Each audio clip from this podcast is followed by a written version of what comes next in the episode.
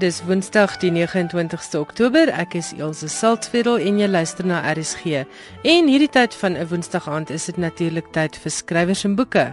Baie welkom. Baie dankie dat jy saamluister en ook sommer dadelik baie dankie vir verlede week se enorme reaksie op die weggee van 12 van Gert Sarisam se boeke. Ons het meer as 1000 inskrywings gehad.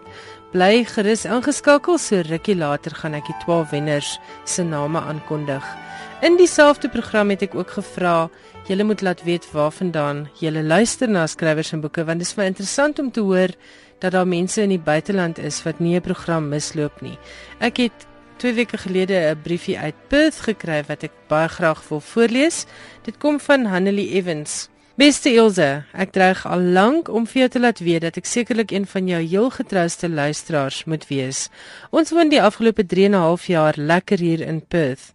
As 'n hardloper wat graag ook RSG luister, stel my wonderlike slimfoon my nou ook in staat om hierdie twee liefdes te kombineer, aangesien ek RSG kan livestream terwyl ek hardloop. So, ek is dan byna sonder uitsondering elke Sondagoggend 7uur Perth tyd op die pad, net in tyd vir die heruitsending van skrywers en boeke. Dis natuurlik nou hier by ons dan 1uur in die nag, maar dan is Hanelie besig om deur die strate van Perth te hardloop.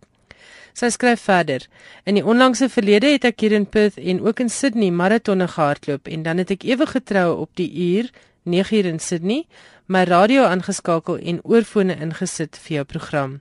Nie baie van jou luisteraars kan daarop roem dat hulle al draffende deur Centennial Park in Sydney na jou heerlike onderhoud met Wilbur Smith geluister het nie. So kon ek dan ook na kerk so Sondag of wat terug vir die gesin 'n gaar hoender gaan koop. Gerrit Olivier het dan juis so mooi verduidelik hoe spesiale ete 'n hoender is. Met Afrikaans gaan dit goed in Perth, skryf Hanelie. Ons kerk en bazaar en sokkie en dokter en kuier en wat ook al net in Afrikaans. 'n Vriendin wat na 5 jaar hier onlangs teruggetrek het Suid-Afrika toe, was baie bekommerd want sy sê sy het skoon afgeleer om Engels te praat in Australië. Daar word 'n baie mooi plaaslike Afrikaanse tydskrif Maries hier uitgegee. Ons het gisteraand hier in die plaaslike teater na Stuur groete aan Mannetjies Roo gaan kyk en daar is so elke 3 tot 4 maande 'n ander Afrikaanse kunstenaar wat kom kuier. Maar die lekkerste is Ons plaaslike biblioteek in Clarkson hou nie net Afrikaanse boeke aan nie, maar koop ook gereeld nuwe boeke aan. So was hulle baie bly toe ek onlangs die lysie ATKV wenners gaan aflewer het met 'n versoek dat hulle dit moet aankoop. Hulle het selfs 'n begroting vir Afrikaanse boeke en is bly om insette in die verband te kry. Cobra was natuurlik klaar in die biblioteek en as jy gewonder het, Bloedsusters is ook daar. Nou ja, dis Hanley Evans alipad uit Perth. Baie dankie vir jou brief Hanley. Dis heerlik om goeie terugvoer te hoor oor die program en is wonderlik om te hoor dat Afrikaans so lewendig gehou word al is dit duisende kilometers hiervandaan. Later in die program lees ek nog 'n brief, 'n e-pos van 'n luisteraar uit die buiteland voor. Nou is dit eers tyd vir Suzette Kotse Meiburg in Kaapstad. Sy het 'n heerlike onderhoud gedoen met Chris Karsten wat tans hier is, alipad uit Kanada. Chris praat oor sy nuwe boek wat pas vrygestel is. Lekker luister. Welkom by ons in die ateljee Chris. Dis baie lekker om jou weer hier te sien. Alipad daar uit Kanada uit. Ja, baie dankie. Dis baie lekker om hier te wees, 'n bietjie son te kry. Ek glo so. Ons gesels oor jou nuwe boek, Die respektabele meneer Hartslief. Nou kom ons begin nou sommer by die respektabele meneer Hartslief. Wat maak hom so respektabel? Wel, in die eerste plek omdat hy onrespektabel groot geword het. en uh hy wil iets bereik en hy wil sy hele ou klein familietjie met hom saam optrek as dit moontlik is. En uh, hy het hierdie groot behoefte om vir hulle te sorg en vir homself te sorg. En hy's nogal nie 'n uh, selfsugtige ou nie. Jy weet hy hy wil vir almal hy wil hy wil almal probeer help. Hy's 'n sagsinnige sagsinnige man. Sagsinnige man. En jou speurder Hier is dis 'n speurverhaal of sal mense sê 'n misdaadverhaal, maar jy wyk af van die patroon. En hier is jou speurder nie uit die polisie uit nie, om die waarheid te sê jou polisie speurder is eintlik maar nutteloos, luitenant Kosile wat net Sherlock Holmes kan aanhaal. Maar hier is jou speurder 'n hele familie. Vertel ons so 'n bietjie van daai clan van Brixton. Dit is 'n familie wat jy weet aan die verkeerde kant van die spoor groot geword het weens omstandighede. Dit is drie broers en 'n suster waarvan Eli die oudste is en dan die, die, die twee jonger broers en die jongste laat lammetjie suster. En dan het hulle die neef se niggies wat nog 'n bietjie River is. River is as as as Eli en sy sibbe. En dan het hulle die matriarg, die die antie, mm. hulle hulle tante ja. wat aan die hoof van die disfunksionele familie staan. 'n Laslappie familie. Laslappie familie in alle opsigte, ja. Jy het al meermale geskryf oor regte werkersklasmense, gewone mense wat blouboortjie werke doen. Is daar vir jou iets spesifieks aan daardie sien maar sosio-ekonomiese groep wat jou aantrek of wat jou interesseer? Jy weet, ek weet nie, miskien kom ek self van die verkeerde kant van die spoor af. nee, ek dink mense is altyd geneig om neer te kyk op sulke mense sonder ja. om hulle behoorlik te leer verstaan eers. Jy weet, ons is so geneig om te beoordeel en te veroordeel hmm. sonder dat ons altyd moeite doen om ons medemens te verstaan en ja. te begryp.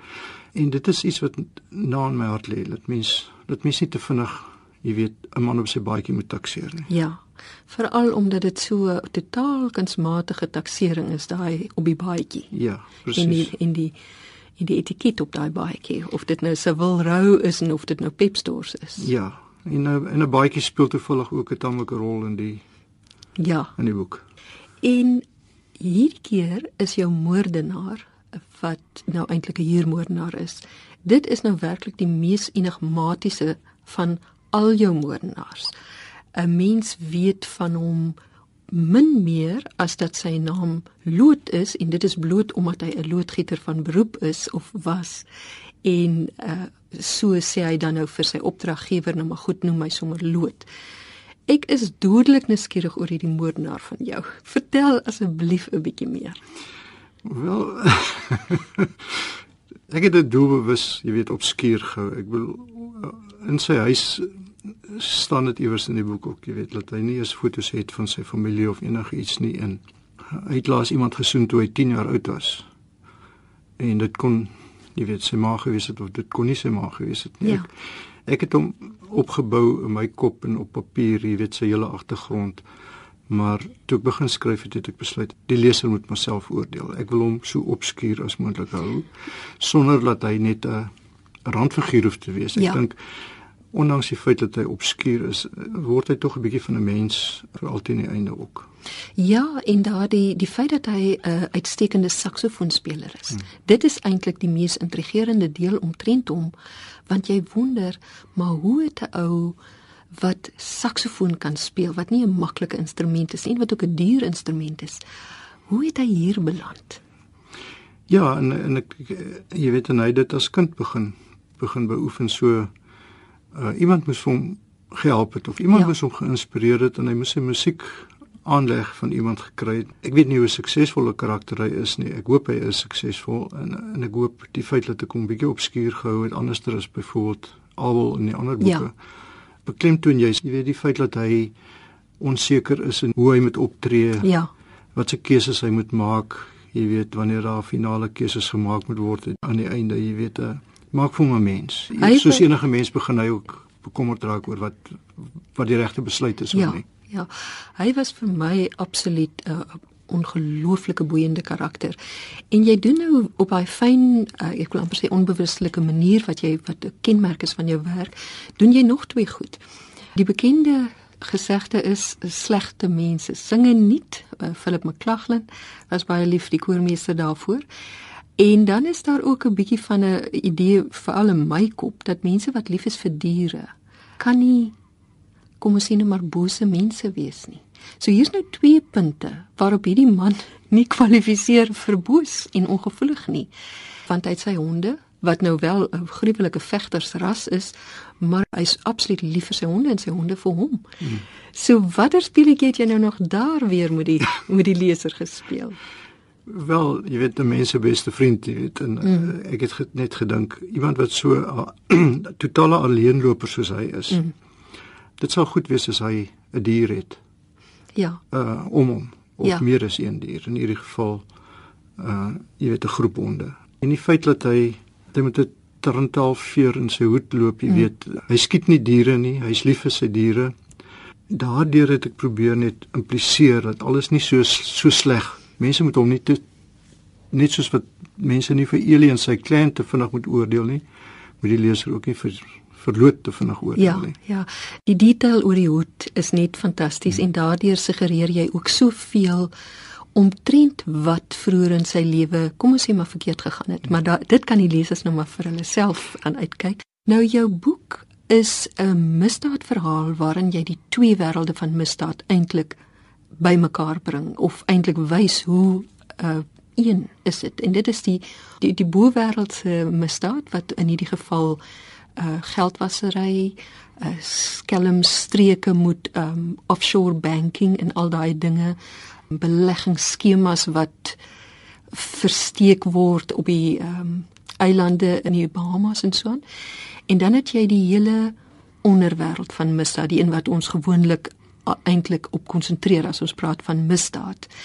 Daardie bowêreld, die ekonomiese ding ek moet nou eerlik sê, ek het die teks geredigeer en aan die einde het ek nou nog steeds nie verstaan wat ekonomies nou met Elise sake gebeur nie, maar verduidelik jy dit nou asseblief net so bietjie.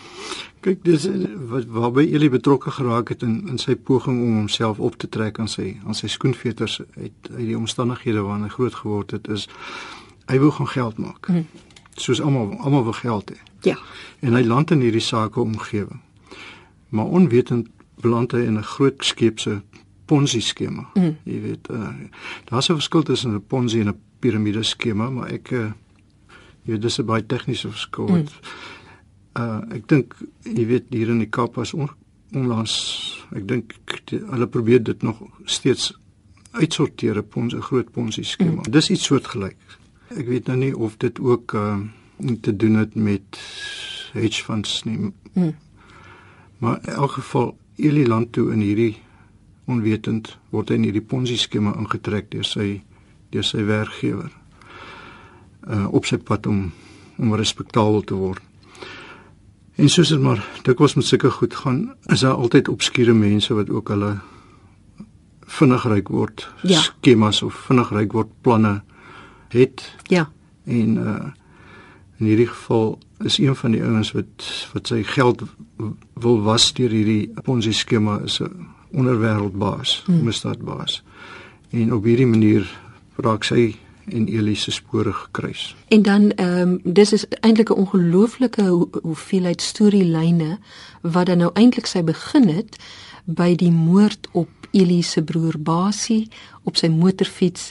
En dan begin hier soveel spore wat 'n mens nou volg en op 'n baie natuurlike manier uh laat kruis jy nou hierdie karakter se paaie maar hulle weet aan aanvanklik weet hulle nie van mekaar nie. En so stukkie vir stukkie is die klan van Brixton nou elkeen help so soort van met 'n met 'n stukkie van die inligting. Ja.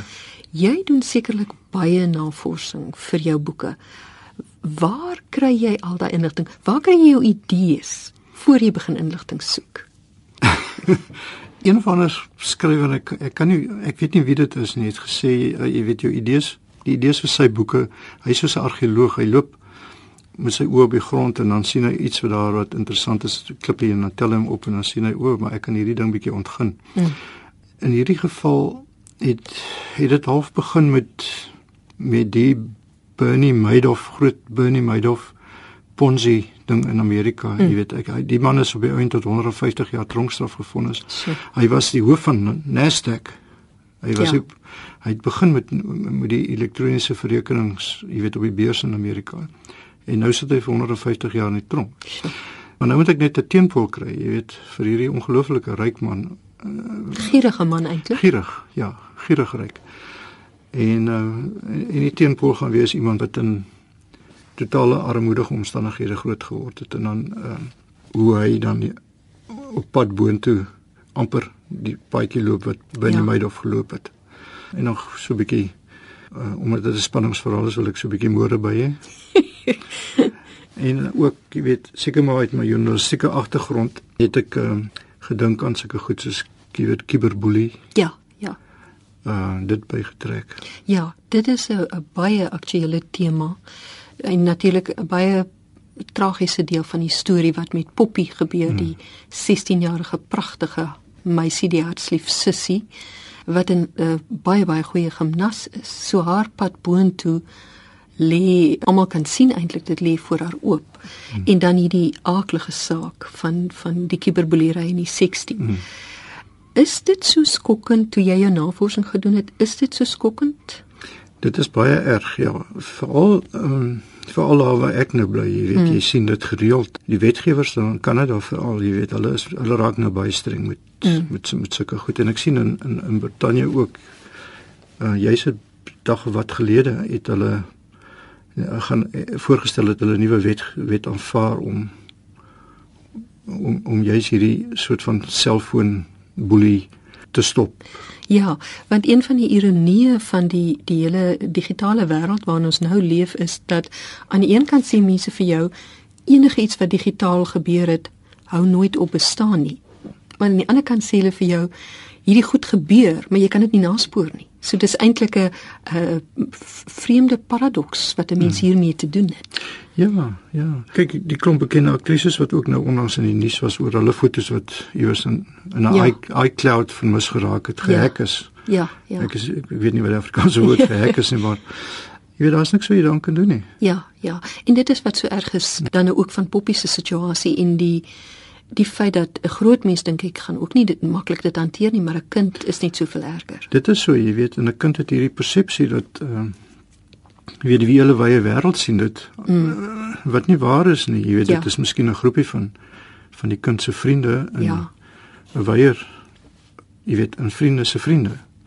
Maar vir 'n kind is dit is dit 'n absolute ehm um, 'n verskriklike ding. Ja. Jy weet hulle hulle glo as die ding op haar vriendin se selfoon verskyn en ehm um, of op rekenaar verskyn dan dan gaan die hele wêreld dit sien. Ja, ja. En dit is dit dit is wat vir 'n kind uh so moeilik is om te verwerk. Een van die goed van jou boeke wat ek so baie van hou is dat jy 'n manier het om klein detail in jou stories in te werk wat my elke keer vreeslik interessante goed leer. In hierdie geval onder andere die serp wat vesels van op basie die vermoorde se lyf gevind word wat natuurlik nou dui op 'n vrou want daar's ook vroue hare en die minares die storie wat dan uitkom is so geleidelik en hierdie chatouche serp is van so skaars bok van die Himalaya se hare of so mense kan dit nie eintlik regtig wol noem nie nê gemaak dat jy trek die hele serp deur 'n ring uh, waar kom jy aan jou idees vir hierdie wonderlike detail? jy weet jy lees maar, ek lees wyd. Mm. En iewers te lees jy iets raak van jy weet hierdie dier baadjie of dier trui ja, ja. of van 'n van 'n delikate wol en dan tog ek maar Jy weet, miskien is daar iets wat ek mm. kan gebruik. Kom ons kyk 'n bietjie hoe delikaat kan wol word, jy weet. ja. Of hare. En jy kry die En dan kom jy op sulke goed af, jy weet. Dit is maar 'n dis maar 'n speurtog. Ja, dis wonderlik. Ehm um, jy weet hierdie uh, skielik gaan hier vir my 'n wêreld oop dat daar mense by universiteit is akademici wat navorsing doen en vir jou haar diktes kan ontleed. Ja. Dit is uh, die die tipe van forensiese besonderhede. Ja. En ook die uh manier wat jy uh jou jou moordenaars interesseer my ook in terme van wat hulle belangstelling is en dan lood spesifiek uh, hy hy's nie 'n man wat met 'n gun moor nie. Mm. -mm. Uh, hy hy het baie ander tipe aanslag. Ja, hy is nie as mens dit so kan stel uh, bloedlustig. Ja. Hy hy hy hy kry 'n opdrag en hy gaan voer dit uit en hy doen dit so bekwame as wat hy kan en so so vinnig as wat hy kan en hy en hy's baie eerbaar wat dit mm. betref, jy weet, mm. as hy betaal word om iets te doen, dan sal hy dit doen, die weet die wêreld kan vergaan, maar hy sal sy opdrag uitvoer. Ja. Ehm um, en hy sal dit op 'n effektiewe manier uitvoer. Al verstaan hy nie die opdrag altyd mooi nie, jy weet. Ja. Dit kan soms wees dat hy 'n opdrag mis, misverstaan ook. Ja, ek het soms gewonder of dit nie met opset is nie. Ja. Maar uh, hy is duidelik slimmer as jou deursnee moordenaar en sy tegniese vaardigheid nou goed as loodgieter het jy dit natuurlik nou. Dan Chris laastens, die vraag wat 'n leser en 'n uitgewer altyd sal vra, volgende boek? Ja, ehm um, Iemand het my ook nou eendag die vraag gevra en ek my ek, ek, het 'n standaard antwoord daarvoor is dat uh, ek is besig met die volgende boek maar weer eens een of ander skrywer het gesê hy praat nie oor sy oor goed wat hy mee besig is nie want dan voel ontstaan daar 'n lekkasie in sy ja. kop, jy weet, en sy die energie. Sy skep skepende ja. sappe loop uit. ja, ja. Maar ehm um, die volgende ene uh, jy weet Ella Ella kom terug van al die boeke af. Ah, oh, wonderlik. Ek kan nie wag nie. Chris, dit was heerlik om met jou te gesels en soos ek sê, ons almal sit en wag vir daai vir daai volgende boek. Baie dankie. Die respekteerbare meneer Hartslief word deur Himan en Resou uitgegee en kos R220. As jy 'n e-pos wil stuur, die adres is skrywersenboeke@rsg.co.za en onthou ook om vir die buitelanders te vertel, soos wat julle nou gehoor het dat ons beskikbaar is op die internet. Dis rsg.co.za en daar is opsies om na ons te luister deur jou slimfoon, tabletrekenaar of gewone rekenaar. Dit wat nou almal uitgesien het is nou hier die aankondiging van die 12 name wat verlede week elkeen 'n eksemplaar, 'n getekende eksemplaar van een van oom Gert Sarisam se boeke gewen het. Baie dankie vir die SMS'e, soos ek sê daar was meer as 1000. Hier is die 12 wenners: Afene Jeffer van Kokanje naby Nelstroom, Andries Jaars van Eendekuil, Joey Nel van Hartbeespoort, Werner Venter van Bredasdorp, Grant Myron van Maresburg, Kusie Kiwit van Vleesbaai, Morin Klitte van Die Parel, Anna Stander van Karedo, Die Klein van Mitchells Plain, Tasha Estreise van Karlitsdorp. Die 11de wenner is Jean Kutse van Appington en nommer 12, die laaste wenner vir verlede week se boekpryse is Sandra Delport van Groblershoop. Julle moet net so 'n bietjie geduldig wees, soos julle weet is daar tans 'n posstaking aan die gang. Ek moet nou net eers die boeke van oom Gert af in Garries hier by my in Johannesburg kry en dan sal ons dit vir julle koerier. Baie dankie vir die deelname en weer eens aan oom Gert. Sorry Sam, ook baie dankie vir die boeke wat jy vir RSG se skrywers en boeke luisteraars skenk. Nou is dit tyd vir my gereelde onderhoud met Johan Meiburg. Welkom Johan. Baie dankie. Saam met die UNESCO World Book Capital het die Britse Hayfees in 2007 'n projek op die been gekry om die skryfwerk van Suid-Amerikaanse skrywers jonger as 40 te publiseer. Die publikasie met die werk van 39 skrywers het Bogota 39 geheet. Daarna is Beirut 39 met die werk van Arabiese skrywers uitgegee en nou het Africa 39 verskyn met verhale van skrywers suid van die Sahara en die Afrika diaspora. Die oogmerk met die publikasie is om die wêreld bekend te stel aan 'n nuwe generasie skrywers, die opvolgers van Chinua Achebe, Ngugi wa Thiong'o, Wole Soyinka, Nadine Gordimer, James Coetzee en Doris Lessing.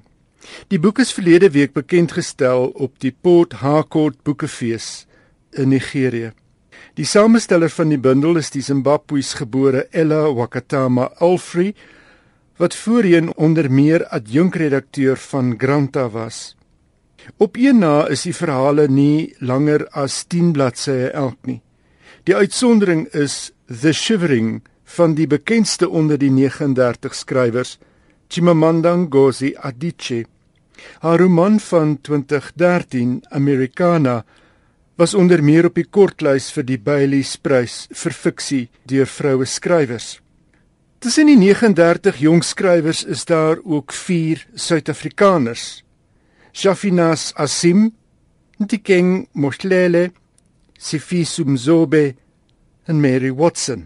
Shafinas Asim se roman Sofia het in 2012 verskyn en was op die kortlys vir die Kacelo Duikerprys asook vir die UJ debuutprys vir kreatiewe skryfwerk. Ntikeng Mohlele se debuut The Secret of Bliss het in 2008 verskyn en verlede jaar is Small Things gepubliseer. Sifiso Mzobe het met sy debuut Young Blood in 2011 heelwat gesogte pryse ingepalm, die Herman Charles Bosman, die Sunday Times prys vir fiksie, die South African Literary Award en die Wole Soyinka prys vir letterkunde in Afrika. Mary Watson het met haar kortverhaal debuut Mass van 2001 die Kane-prys vir skryfwerk verower en daarna ook die thriller The Cutting Room gepubliseer. Africa 39 kos R259. Ek het die mooiste storie weer hierdie week aan eie lyf gevoel. Chinua Achebe het die boek geskryf Things Fall Apart en dit was my voorgeskrewe werk eerste jaar op Stellenbosch. Verlede week kry ek 'n spyker in my band en ek is natuurlik soos alle goeie motoriste in Johannesburg betaam op die plek kwaad. En ek ry toe na my naaste petrolstasie en uh, ek vra die petroljoggies of hulle dit vir my net my spaarwiel kan opsit. En my SAK mikrofoon lê agter in die kattebak en die een petroljoggie haal die mikrofoon hy help my om alles uit te pak wat in die kattebak is en hy sê vir my so are you a DJ en ek sê vir hom nee ek bied 'n boekeprogram aan. En weet jy dis asof daar lig opgaan. En hy sê vir my do you know the book things fall apart? En ek sê vir hom ja. En hy sê it's Chinua Achebe. En ek sê vir hom yes I did that book at university. En hy sê I did that book at school in matric. En ek moet nou vir my hartseer nuus meedeel dat sy gunsteling skrywer dood is verlede jaar op die 13de Maart. En weet jy, daar begin ons gesels oor boeke. En hierdie jong man sê vir my hy het matriek, hy kry nie ander werk nie. Hy is dankbaar vir die werk as 'n petroljoggie. En ek vra toe vir hom wat lees hy en hy sê vir my hy het nou pas klaar gemaak met Neil Donald Walsh se Conversations with God. Hy wil vreeslik graag inspirerende boeke lees. Hy wil iets van sy lewe maak en ek vat toe Saterdagoggend vir hom drie inspirerende boeke en toe ek by daai petrolstasie inry nou toe is dit soos 'n juigbrigade wat my inwag en maandag het ek toevallig weer daar gestop en almal het aangehardloop gekom want hy het nou die boeke wat ek geneem het begin deel met die ander mense ja En dis net vir my die wonder van boeke. Dit maak nie saak wat jou velkleur, wat jou taal, ons almal praat 'n gemeenskaplike hartstaal as jy 'n boekliefhebber is. Dis 'n wonderlike verhaal. Regtig waar, ek wil vir luisteraars ook vra asseblief deel jou boeke. Die goed staan op ons rakke en vergader stof en jy gaan op die onwaarskynlikste plekke 'n boekliefhebber vind. Gewis so. Die afgelope week het twee openbare Britse figure onafhanklik van mekaar hoe kan die deugde van poësie spontaan besing. Die eerste een is Clive James, die Australies gebore skrywer, kritikus, uitsaaier en digter wat gesê het ek sal inderdaad verlore wees sonder poësie. James, hy is 75, woon en werk al sedert 1962 in Brittanje en hy het pas 'n nuwe bundel essays genaamd Poetry Notebook gepubliseer. In 'n onderhoud met die BBC het hy oor die belang van die jongste boek gepraat. In die boek het ek probeer om 'n leeftyd se lees- en skryfervaring van poësie te verwoord. Die proses het my entoesiasme opnuut aangevuur. Ek sal verlore wees sonder poësie. En dan het Judy Dench, die Britse aktrise wat in Desember 80 word, onlangs gesê sy het geen erg aan lyste, kortes of langes, van boeke wat sy nog moet lees nie. In plaas daarvan is sy besig om elke dag 'n gedig of selfs net die betekenis van 'n onbekende woord te memoriseer om sodoende haar kop wakker te hou. Laat 'n mens nogal dink oor jou eie onthou vermoë in 'n tyd van alles Google. Het jy haar memoir gelees? Nee, het Dit het se 2 jaar gelede uitgekom. Is 'n ongelooflike merkwaardige boek. En ek dink om op 80 so lewendig en aan die gang te wees, soos sy is net vir my iets waarna ek streef. En dan bly dit 'n mens altyd opval hoe verskillende literêre tradisies omgaan met hulle skatte. Verlede maand op die 29ste het die kolos die J. Opperman se 100ste verjaardag stillerig gekom en gegaan. Eergister was dit die 100ste geboortedag herdenking van die Walliese digter Dylan Thomas. In Swansea en ander plekke in Wallis en ook in Londen was en is in rep en roer vir die geleentheid. Meer as 'n een eenmalige herdenking is die 100ste viering van sy verjaardag eerder daarop ingestel om 'n soort pelgrimstog vir belangstellendes te vestig. So kan 'n mens die huis waar hy op 27 Oktober 1914 gebore is in Swansea besoek. Die rooi baksteen semi is pas gerestoreer en sien nou weer daaruit soos 100 jaar gelede. Daar's daaglikse begeleide toer deur die huis in teen iets soos 150 pond per nag kan jy nie digter se slaapkamer oornag. In Swansea is daar ook die Dylan Thomas Sentrum wat eergister weer geopen het na deeglike opknapping. Die sentrum is die hart van alle belangstelling in Thomas se skryfwerk. Hoewel Swansea sy geboorteplek is, het Thomas onder meer sy bekende Under Milkwood geskryf in Laan, in 'n stoorkamer wat hy as skryfplek ingerig het. Die boothuis nevens die Taff riviermonding is deesdae 'n erfenissentrum. Benewens die feit dat 'n mens sy graf in Laan kan besoek, kan jy vir so wat 2 uur te perd ry deur die Wallisse landskap waarvoor die digter so innig lief was. Die ritte is deel van 'n georganiseerde program. Ook deel van so 'n program is 'n korter of langer, die langer een is so wat 40 km voetslaanroete in die omgewing. En in Londen kan jy 'n dop gaan drink op Thomas in The Wheatsleaf in Fitzrovia.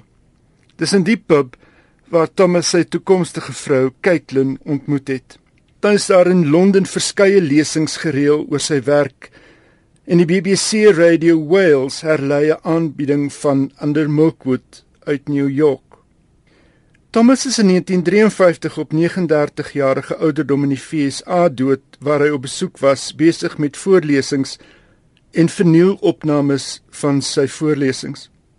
Hoewel sy vriende en biograwe later sy uitsonderlike vermoë om groot hoeveelhede drank te verorber beklemtoon sowel as probeer ignoreer het, word dit algemeen aanvaar dat drank 'n aandeel aan sy dood gehad het. Pireweier is 'n woord wat al dikwels gebruik is as beskrywing vir Thomas. Jare later in 1993, toe Seamus Heaney 'n lesing oor Thomas moes gee in Oxford, het hy aangevoer: Dylan Thomas is now as much a case history as a chapter in the history of poetry. Hoe ook al Dylan Thomas word onthou en sal altyd onthou word vir daardie meesleurende villanelle do not go gentle into that good night Weet jy Johan ek dink ons maak in Suid-Afrika heeltemal te min van letterkundige toerisme Daar's nie uh museums wat ingerig word in skrywershuise en so nie. Ek weet van een skrywershuis, ek dink in Calvinia, waar 'n mens kan gaan skryf as 'n skrywer. En ek dink regtig waar dit is iets waarvoor ons moet verantwoordelikheid neem. Ons moet probeer om hierdie skatte te bewaar. Ek weet daar's een kampvegter in Suid-Afrika wat op sy eie begin het met 'n tipe van 'n letterkundige toerisme en dis Darryl Davids van die Boekbedonderd Fees in Richmond. Hy probeer skrywershuise afneem. Ek weet hy is besig om 'n boek daaroor saam te stel. Maar eintlik weet ons baie min van ons plaaslike skrywers. Mense nou kon sê Dylan Thomas was bekend geweest in in die hele Engelssprekende wêreld as 'n groot groot letterkunde. Hy was bekend geweest in Amerika. Maar maar dit het my net opgeval hoeveel van hierdie vieringe of viering vind plaas in Wallis wat op 'n klein provinsiale ja. tipe van omgewing ja. is. En in sy dorpie. Hmm. Jans is altyd baie dankie baie interessant. Ek het verlede week gevra dat julle van julle moet laat hoor dat ons kan uitvind waar in die wêreld luister mense oral se RSG en spesifiek na skrywers en boeke. En hier is 'n e-pos van Joanne Valley. Goeienaand Elsje, ek kry nie altyd die geleentheid om na skrywers en boeke te luister nie, maar het vanaand se program baie geniet. Ek luister vanuit 'n klein dorpie in Duitsland met die naam van Lohr am Main. Ons is al 6 jaar hier, maar Suid-Afrika bly maar naby mense en 'n mens waardeer ons taal. Ek sal definitief weer na jou program luister. Baie dankie daarvoor. Groete uit 'n koelerige Duitsland. En dit was Joanne Valley, alipad uit Duitsland. Laat weet bietjie vir ons waarvandaan jy luister. As jy in die buiteland is, stuur vir ons 'n e-pos na skrywers en boeke by rsg.co.za. Ek hoor baie graag van julle.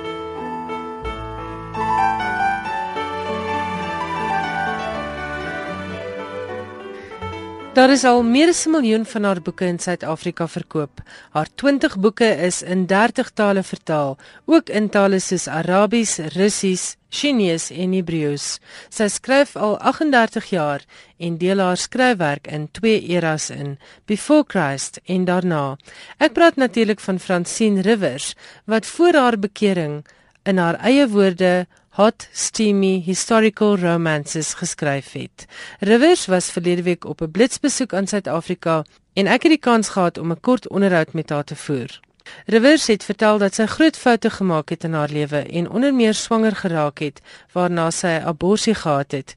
Dit het haar gelaat met gevoelens van depressie en selfs selfmoordgedagtes en het uiteindelik ook die tema geword van haar boek The Atonement Child.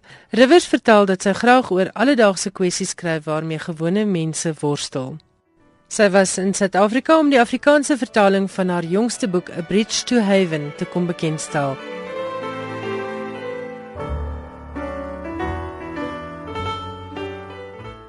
Ek wou weet wanneer sy besluit het sy wil skryf. When I was very young, I don't even remember what age, but I think it had to do with my mom wrote journals all the time. And from the time she was 17 up until about three weeks before she died of cancer. And so I would see her every day writing in that journal, and it just, I thought, oh, I want to be like my mom. I want to write.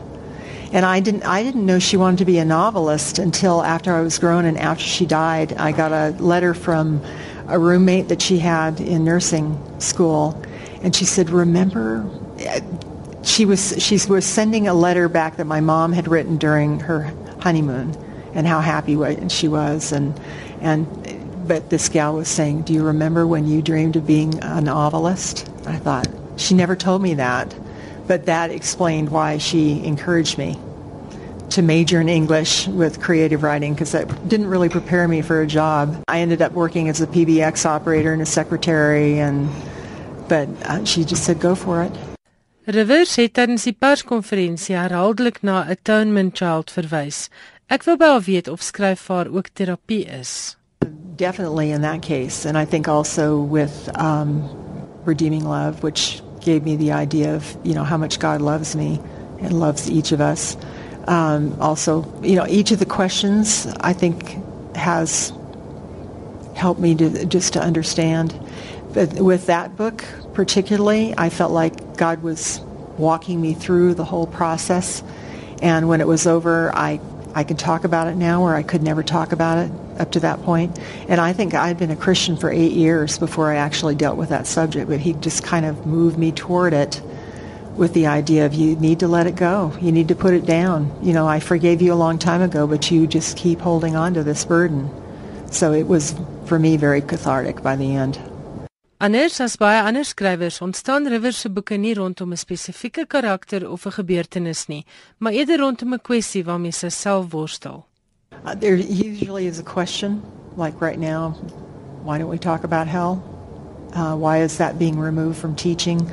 Um, what is a near-death experience? Because there's a lot of talk about that. Why why are we only hearing about the good side of that? Um, so it, it begins with just things that I don't understand, and then characters come to me. So I have two characters in mind, and they both come from traumatic backgrounds, but they have different ways of processing things.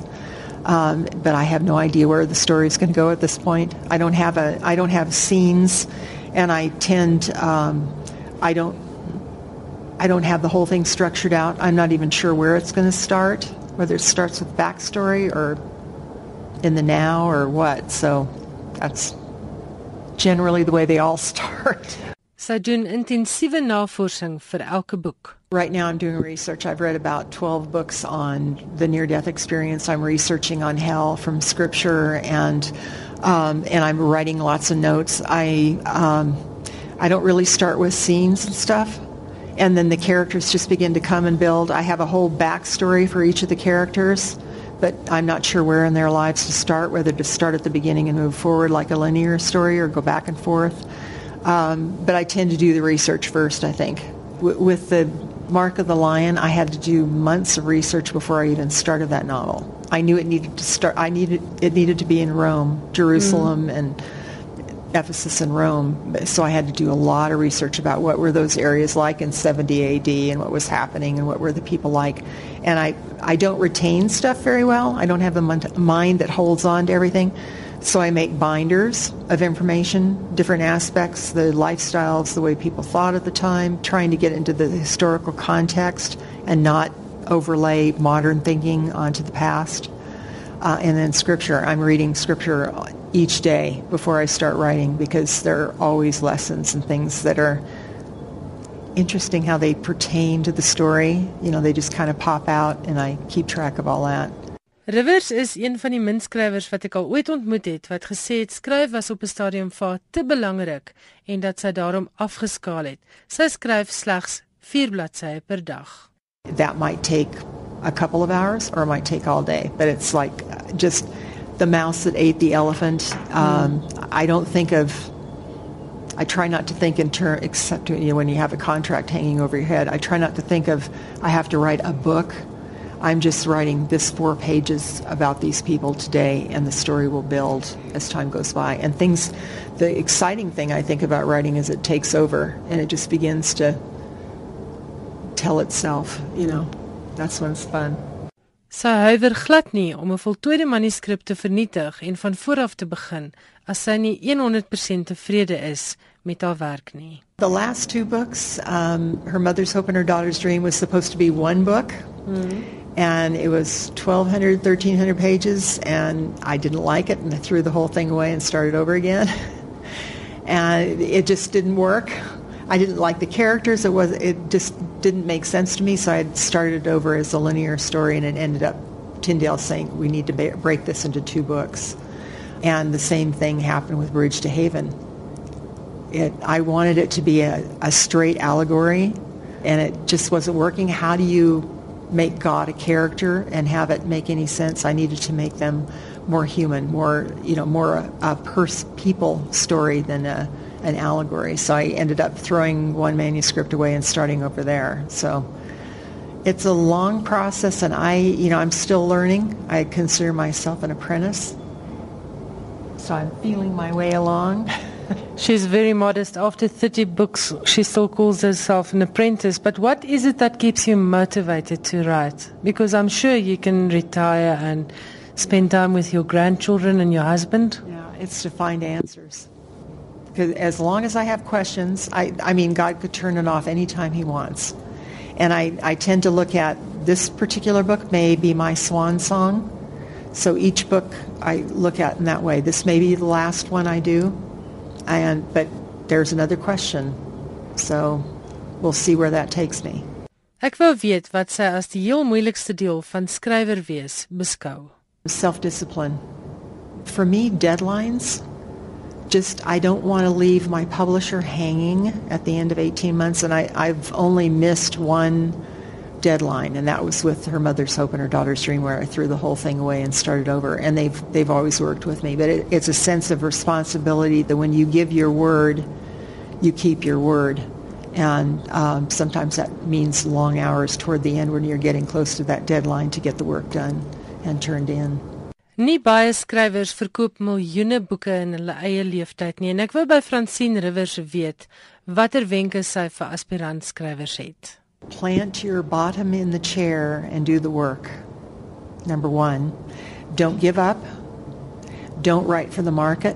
Write from your passion. Write what you need to read. Nou ja, ek hoop alle aspirant skrywers wat droom van groot sukses het geluister. Dit was Francine Rivers op 'n kort besoek aan Suid-Afrika om te praat oor haar jongste boek, 'n brug na Haven. Dit word uitgegee deur Koem Uitgewers. Ongelukkig kom daar dan alle goeie dinge einde ook aan skrywers en boeke maar volgende woensdag aand dieselfde tyd om 8uur is ek terug hier op RSG. Onthou dat jy vanaand se uitsending op 'n potgooi kan luister as jy iets misgeloop het. Onthou ook dat dit 'n handige hulpmiddel is vir boekgesprekke of vir leeskringgesprekke en dat dit beskikbaar is as 'n potgooi op rsg.co.za. As jy vir ons 'n SMS wil stuur, ons SMS nommer is 3343 en elke SMS kos R1.50. Ek het reeds die e-posadres gegee, maar hier is dit weer. Dit is skrywers en boeke by rsg.co.za. Bly ingeskakel vir die res van finansiële programme hier op RSG. Tot ons weer gesels volgende week. Groet ek, Elsje Salzwetel uit Johannesburg.